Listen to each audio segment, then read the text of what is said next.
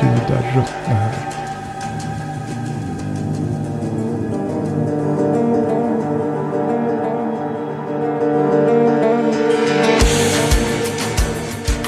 Preludium. Knädjupt i deras förfäders kvarlevor. Gorm tog skallen i sina händer.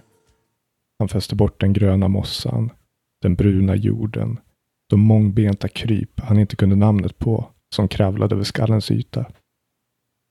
Solen lyckades kasta sina sista strålar genom tallarna.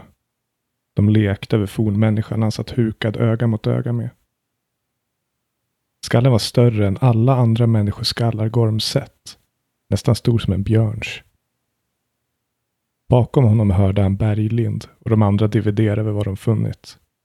De käbblade över guldmynt och kärl som myllan hållit hemliga från världen i århundraden, kanske längre. Det var inte deras mynt att dividera över. Byborna hade velat behålla skatterna i marken. Det var deras förfäders dödsgåvor lagda där för att hjälpa de döda färdas i fred in i nästa värld. Men Berglind hade duperat byns äldste råd. Han hade sagt att han var lantmätare, att han och Gorm och de andra enbart var ute efter landmärke för att göra kartor. Över spriten hade han sagt att Kars fogda var på väg. I falskt förtroende sa han att byborna borde lämna sina hem i ett dygn eller så för att undslippa beskattning. Han var noga med att nämna åren av ränta byn samlade på sig. Han hade sagt det som om det vore en tjänst till byns äldste. Så man inte kunde låta bli att hjälpa dem eftersom han hade så stort hjärta.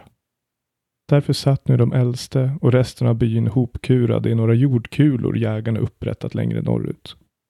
Berglind, Gorm och de andra gravplundrarna hade stått på knä ända sedan byborna gav sig av. Med hårda hjärtslag grävde de med händer och spadar i den gamla offerplatsen som byn var upprest runt. Då och då sträckte de på halsen och såg sig vilt omkring för att säkerställa att byborna inte kommer tillbaka än. Sen vände de tillbaka till jorden, fortsatte känna i den fuktiga, klumpiga myllan efter ädla metaller och stenar. Nog hade han ett stort hjärta, Berglind. En nästan otömbar kärlek. Ingen kommer sakna guldet om ingen ens vet att det är borta, hade han sagt. Gorm hade knarrande invänt. Och ändå satt han nu bara ett tiotal steg bort från Berglind och strök sin hand över vad han funnit i döde jorden. Och han såg. I den dödes panna var inristat en liggande halvmåne. Han hade sett det tusentals gånger på träkyrkor, skymtat det i teologernas böcker och själv gjort det med handen när han sjöng hennes lov. Audun, moden under oss. Precis som alla andra i Kar gick han fyra händers väg. Två av de händerna tillhörde modern. Men hennes liggande halvmåne inristat på en skalle, som han ristade sin familjs tecken på de döda. Vem hade Galla nog att hävda att de hörde till moderns släkt? Det var kätteri av gravaste sort. Skulle kyrkan få tag i den som gjort det här, ja, då kunde hon räkna med att ha fingrar bortslitna och ögonlock igensydda. Men vem som än gjort det var död sedan eoner tillbaka. Byn i gränsländerna, där de stod och grävde, var äldre än Kar självt. Det var från dessa länder människan en gång strömmat. Västerut. Bort från det här. Bort från något. Gorm var ingen lärd man. Han visste inget om heliga symboler och knappt något om skallristningar. Men han var en gravplundrare och han visste något om vad som var värdefullt och inte. Om man vänt upp och ner på kistor och länsat mausoleum sen man knappt hade fjun på kinden visste man sånt. Gorm visste därför att den här abnormt stora skallen med sin groteska inristning var värd något. Kanske mer än något annat han någonsin hittat under ett skelett i ett gravkummel eller gömt bakom en stenlucka i en katakomb. Skallen var ensam i sitt slag, urgammal och makaber. För detta fanns alltid en köpare.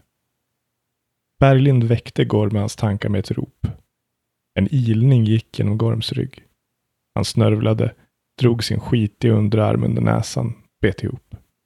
De var nu längre bort i gränsländerna än någon från Kar varit på många år. Om man slog ihjäl Berglind här skulle ingen någonsin hitta kroppen. Men världen var redan full av död. Gorm tog skallen under armen och reste sig från den uppvända mossbädden. Han vände sig mot de andra. Vad har du där? ropade Berglind till honom. Berlinds snusfläckade tänder var blottade. Hans näve full med jordiga mynt. Hans stripiga hår fastkletat över den svettiga pannan. Och mössan bakdragen över huvudet i höstkylan. Bara en trofé, svarade Gorm, höll upp skallen och log. Berglind skrattade till. Nedanför honom stod fortfarande de andra gravplundrarna på knä och grävde efter det som skulle frälsa dem. Det började skymma och hösten kom tidigare så här långt nordost. De behövde snart vända tillbaka mot Glimhus och civilisationen. Byborna skulle väl snart skicka spejare för att undersöka om kusten var klar. Och då kunde de inte stå knädjupt i deras förfäders kvarlevor. Gorm la skallen i sin säck. Han kände Berglinds ögon på sig. Tyckte sig höra kulramen smattra där bakom.